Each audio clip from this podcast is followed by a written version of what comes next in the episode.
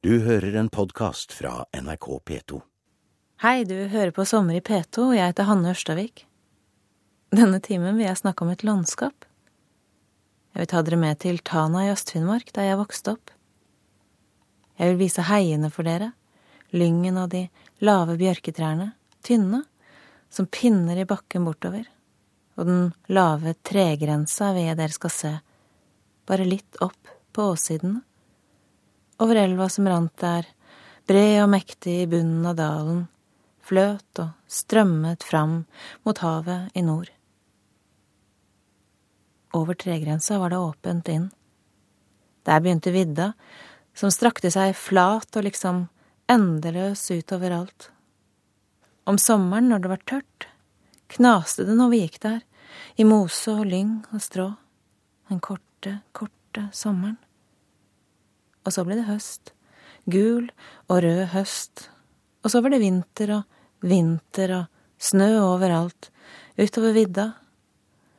Den dekket elva til, elva som frøs og hvor de kjørte scootere midt utpå så det ljomet gjennom dalen. Hva er det som bor i et landskap? Hva er det landskapet i oss er bærer av? Tanalandskapet er barndomslandskapet mitt. Den brede og strie Tanaelva, bilveiene, vestover mot Ifjord og Porsanger, og på den andre siden Båtsfjord og Berlevåg i nord, Vadsø og Vardø østover, eller Kirkenes og så Russland og Murmansk over grensa der. Det var småheiene, bjørketrærne, og så åsen opp på hver side. Jeg kommer fra det landskapet. Det landskapet er et stort, vidstrakt sted inni meg som aldri blir borte. Og når jeg tenker på det, på landskapet der, så er jeg alltid ute. Det var det mulige sted, mitt sted, utenfor huset, ute av hjemme, for hjemme var vondt, Hjemme var det farlige. Pappa kunne bli så sint. Mamma var så lei seg, og jeg lå våken om natta og hørte på. Og når jeg nærmer meg huset der vi bodde i tankene fortsatt i dag, så blir det mørkere. Som å komme inn i en skygge, selv før jeg kom inn. Men ute var det godt.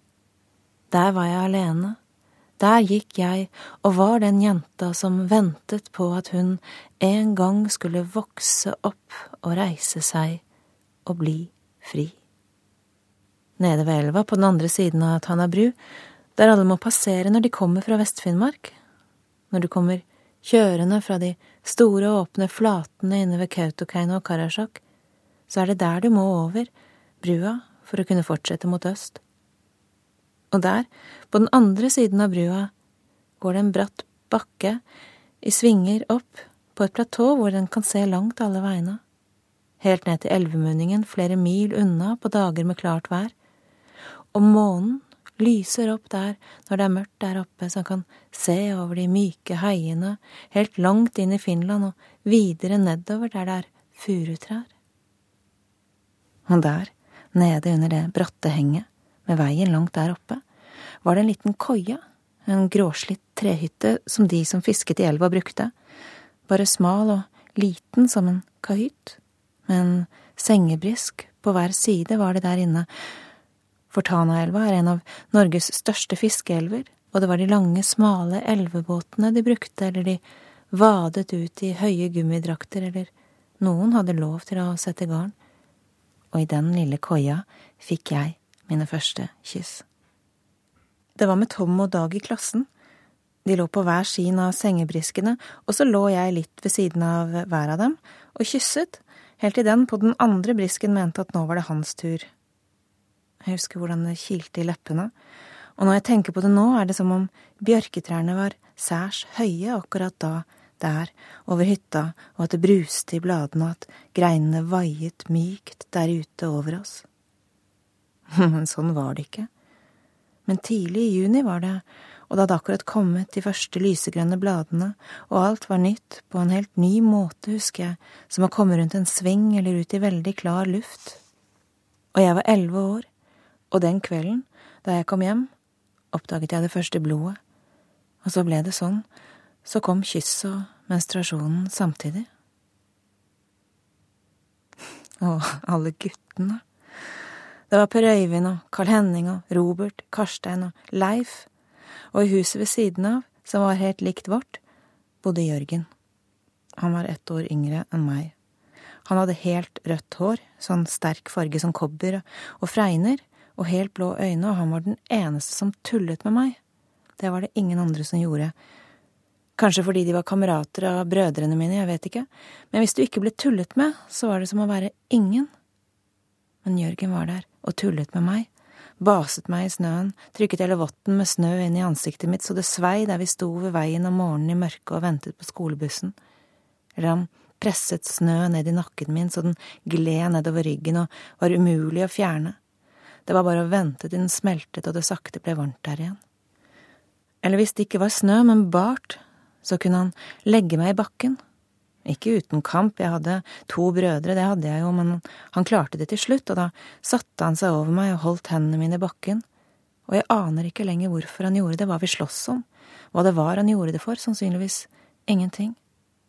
Sannsynligvis bare at vi likte hverandre, og at det bare var sånn vi kunne være nær, og jeg ville så veldig at han bare skulle fortsette, holde meg fast sånn, sitte over meg med ansiktet helt ned mot meg, tvinge og presse lukten av pusten hans, alle fregnene som liksom gled over i leppene og det lyse i det blå i øynene hans, tett der over meg, bare være hos meg og holde meg og aldri slippe. Men så kom jo bussen til slutt, og det var å reise seg opp og få sekken med og komme seg på og finne et sete. Og da var det over og forbi for sitte ved siden av kunne vi ikke, så hele veien videre med bussen opp forbi meieriet og Nordmaskin og ned igjen forbi kiosken og campingen og så over brua videre bortover langs elva mot Seida. Hele den veien var det å sitte og se ut i mørket der ute, brøytestikkene, det lysere feltet der det var åpent over vannet. Sitte der og kjenne det som nesten hadde vært, hamre og dunke under huden sitte og se ut, hvis ikke det dogget sånn fra alle de varme munnene våre og kroppene i luer og boblejakker og votter med snø som smeltet at det ble umulig å se noen ting, og vi ble kjørt som en blind beholder bortover, som inn i en tunnel eller kanal, en sjakt, tvers, bort gjennom landskapet, de minuttene det varte, til vi var framme ved skolen og over i det andre, dagen der ute, timene ved en pult. Oftest på bussen satt jeg ved siden av Trude. Hun gikk i klassen min, hun gikk på litt før, og så kom jeg, og så delte vi sete. Faren hennes var trailersjåfør. Utenfor der hun bodde, sto ofte den toleddede traileren hans, og var nesten større enn huset. Hjemme hos dem var det folk på besøk, om sommeren kunne det komme folk hele døgnet. Døra var ikke låst. Det var den ikke hos oss heller, men hos Trude kom det folk når som helst, og hvis ikke foreldrene til Trude var våkne, kunne de lage kaffe selv hvis det ikke var mer igjen på kanna, smøre seg brødskiver og sette seg i sofaen og se ut i lyset i natta. Og før eller siden kom det jo noen flere, eller foreldrene våknet, og noen ganger var de bare oppe hele natta, fortalte Trude, hun også iblant, med de voksne, var der og hørte på snakket. Og jeg hørte Trude fortelle, for hos oss var det ikke sånn og hun fortalte fra en verden jeg ikke ante noe om at fantes. Senere den sommeren, eller den neste eller den neste deretter igjen, satt Trude og jeg oppe på den høye betongarmeringen der brua var festet i skråningen bak veien. Når hun kom kjørende over brua, måtte hun svinge enten nordover eller sørover. Rett fram var det rett inn i den betongen, og der oppe, over bilene som kom mot oss over elva, og helt til de svingte og kjørte bort, kunne vi sitte og se og bli sett, sitte og være jenter på elleve, tolv eller femten år, mens vannet renner og renner i elva under brua der framme, og dagene går, og nettene, For det var om sommeren dette, og nettene var lyse som dager, og alt bare brant og brant, og vi ventet og ventet på noe som vi tenkte og ikke kunne tro noe annet enn at en dag skulle komme til å begynne. Og selvfølgelig var det gutter i bilene som kjørte der framover brua, der foran under oss. Gutter på 18, 19, 20, som plystret eller ropte noe ut av vinduene, og av og til sakket farten hvis vi gikk langs veien. Sakket farten og kjørte bare veldig, veldig langsomt forbi. Vi hadde gitartimer på den kommunale musikkskolen som brukte klasserommene på ungdomsskolen i Seida, tre kilometer unna. Om morgenen og etter skolen var det buss dit for oss som bodde på Tana bru eller i Skippagura eller Rustefjelma eller enda lenger unna, men om ettermiddagene, når det var gitarkurs, så var det oss fire jentene, Trude, Evelyn, Anne-Rita og jeg, som måtte be foreldrene om å kjøre og hente. Fire jenter og tre gitarkasser, for Evelyn fikk låne av læreren. Og en ettermiddag om vinteren var det ingen som kunne hente, og det var mørkt og kaldt og snø. Og brøytekanter langs veiene, og det blåste. Og da prøvde vi oss på å haike, ut med tommelen hvis det kom en bil forbi, men det var ikke så mange biler der ned bakken fra skolen der veien gikk langs elva, men til slutt kom det en rød Ford Mustang og trude ut med tommelen, og Mustangen stoppet litt lenger fram. Vi kunne høre musikken i den, og den rygget tilbake mot oss. Den var helt full. Den var helt full av gutter som satt både i forsetet og baksetet og drakk øl og røykte, og vi var 14 år, og Anne-Rita 15, og det var en som spratt ut av bilen, en sånn mager ungguttekropp med myke skjeggfjoner, og vi begynte å le, og han lo, og alle i bilen lo, og han sa Kom og sitt på fanget, vi tar gitarene bak. Og kanskje gjorde vi det? Jeg husker ikke. Stablet gitarene i det trange bagasjerommet og kravlet oss inn. Gjorde vi? Satt jeg på fanget til en av de guttene, på et par beinete ungguttelår, med en varm røykpust mot håret og mot kinnet. Nei, det husker jeg ikke. Det husker jeg ingenting av. Du hører på Sommer i P2, og jeg heter Hanne Ørstavik. Her tar jeg deg med til Tana i Øst-Finnmark, det landskapet der jeg vokste opp. Lørdager kunne det hende at mamma og pappa fant ut at vi skulle til Njorgam og handle. Det betydde godt humør. Da var det bare å stupe inn i baksetet sammen med brødrene mine og være så stille jeg kunne, eller i hvert fall ikke si noe som gikk imot, og håpe på at gleden denne aktiviteten var et uttrykk for, ville vare hele den tiden reisen bort til finskegrensen tok, og handlingen i de store varehallene, og så kjøringen tilbake igjen. Det tar 20 minutter fra Tana bru til grensa i Polmak. En kjører over brua og tar til høyre opp bakken til der en ser hvitt ut, og så ned flaten bort til Skipagura der går veien til venstre opp over fjellet og ned til Varangerbotn og Nesseby på den andre siden, og følger svingene utover langs fjorden. Men til Polmak må hun bare fortsette rett fram langs elva, kjøre alle minuttene forbi spredte hus eller ingenting, bare bjørk og jorder eller myr, helt til tettstedet Polmak, forbi noen historiske gårder med torvtak som var halvt sunket ned i den grønne bakken, og så er den nesten der, og til slutt skal bilen bare over en ferist, og på den andre siden av den var det Finland. Det var på den tiden da det var kald krig, og i Finland var grønnsaker, sukker og kjøtt subsidiert. Alle kjørte dit og handlet, og det var klesbutikker der også, store haller med runde stativ med finske klær på hengere. Til 17. mai og konfirmasjoner og ellers fikk vi klærne her, de lå i store stabler. Genser og brune kålfløyelsbukser med legg og blå og hvitstripete boblevester. Men det hele denne turen handlet om, var en matbutikk lenger inne på venstre hånd, og der kjørte pappa bilen inn og stanset. Og så var det den store handlevogna, større enn på samvirkelaget hjemme, og alle paprikaene og tomatene som han la oppi den, og en frossen broiler eller to og så var det kjøttdisken og store biter med T-bonestek. Det var kjøttet vi spiste. For mest var det fisk, og den hadde vi fisket alle, og mest pappa, på sommeren. plastbøttene han bar ned fra fjellet med småørret som han sløyet og vasket og la i poser i fryseren, så vi hadde fisk sånn til å steke smør hele vinteren. Men det var det varme kjøttet det handlet om, Njorgam.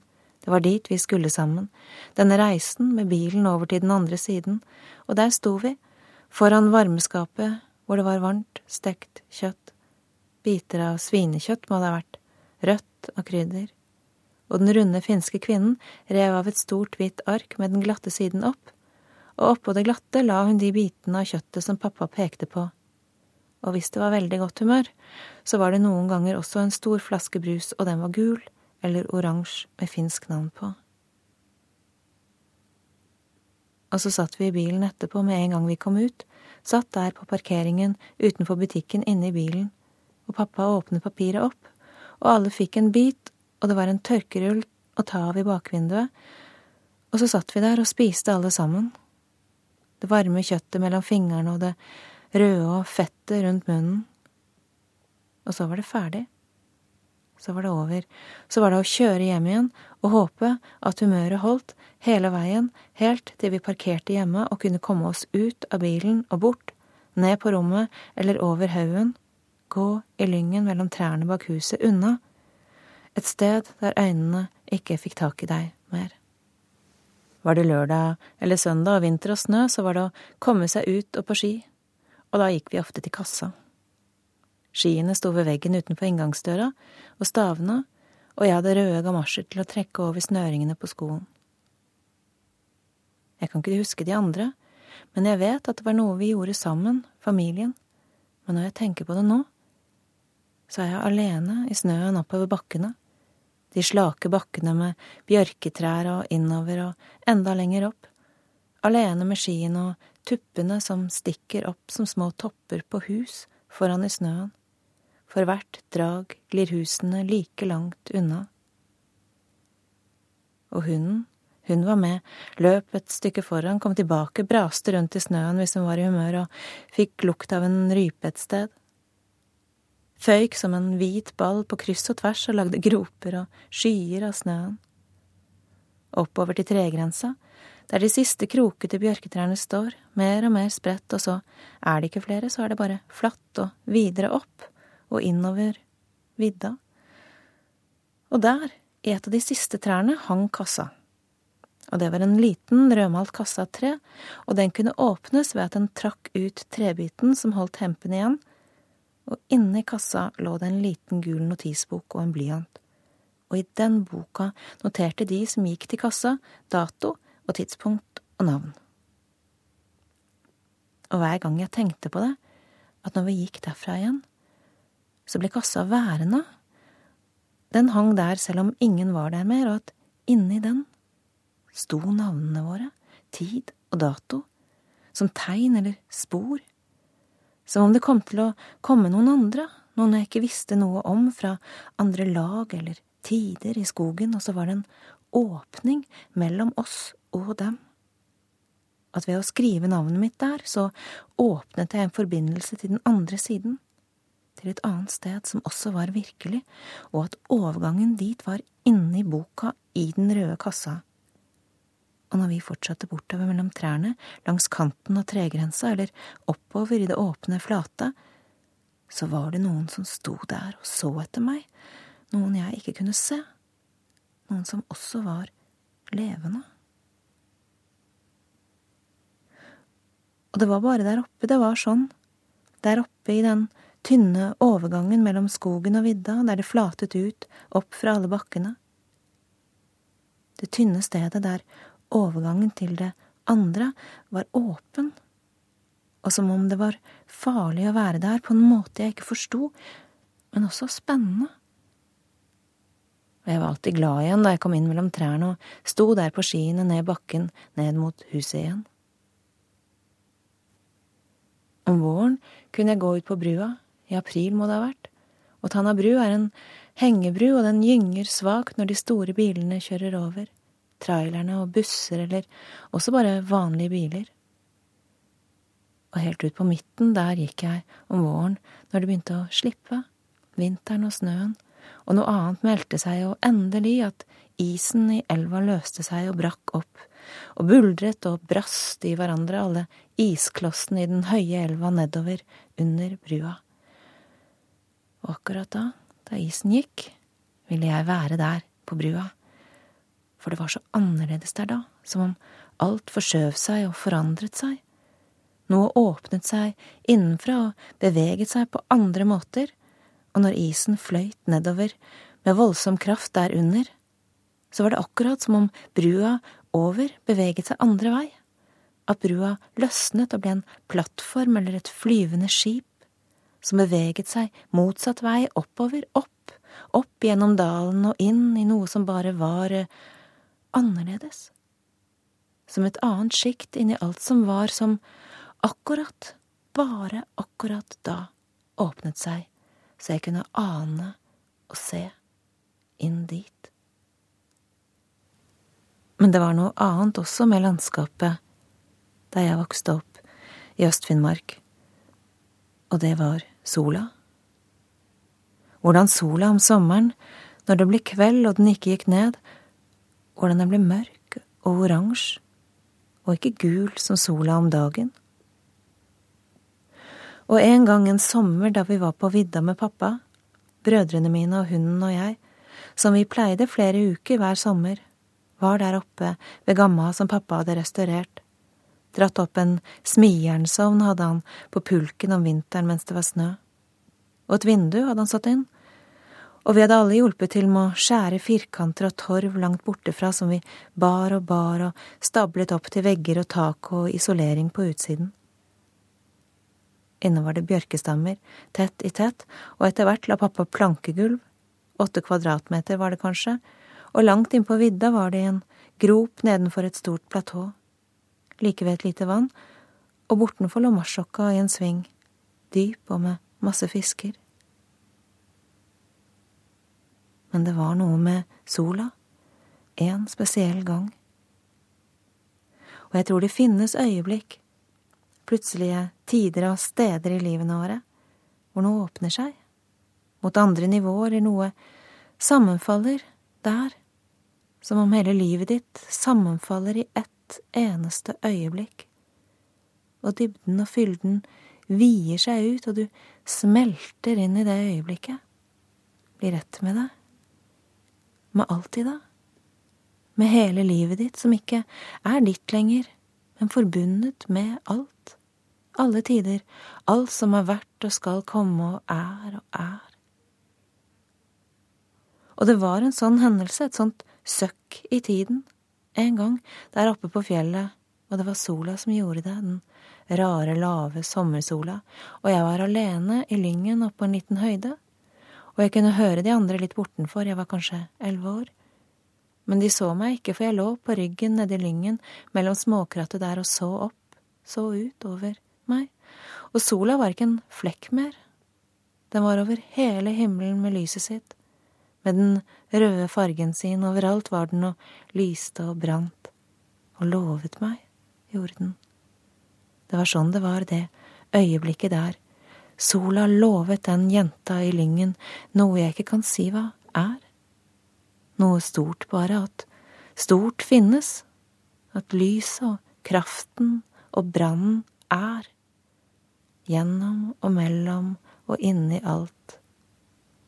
At større finnes, at det store er.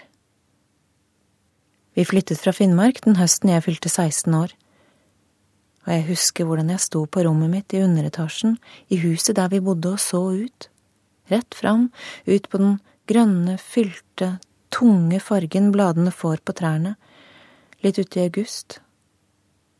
Trærne i åsen over på den andre siden av elva i den vide, flate dalen og den følelsen av både sorg og forventning, for jeg visste at jeg aldri kom til å være hjemme i det mer, der, i landskapet.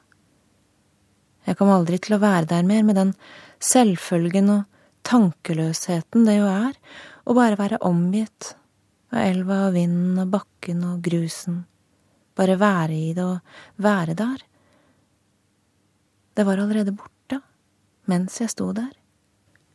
Og mens jeg sto der, og det som hadde vært, ikke virket mer, så var det noe annet som begynte, noe som lå foran meg, der sør i Oslo, som var resten av livet mitt, som jeg skulle leve mot andre trær, mot nye mennesker, og med sikt ut av andre vinduer. Sånn sto jeg der, på det jenterommet, og også det øyeblikket lever i meg fortsatt, her, det som renner og er borte, og det som kommer og er. Og nå har du hørt på Sommer i P2, og jeg heter Hanne Ørstavik. Du har hørt en podkast fra NRK P2.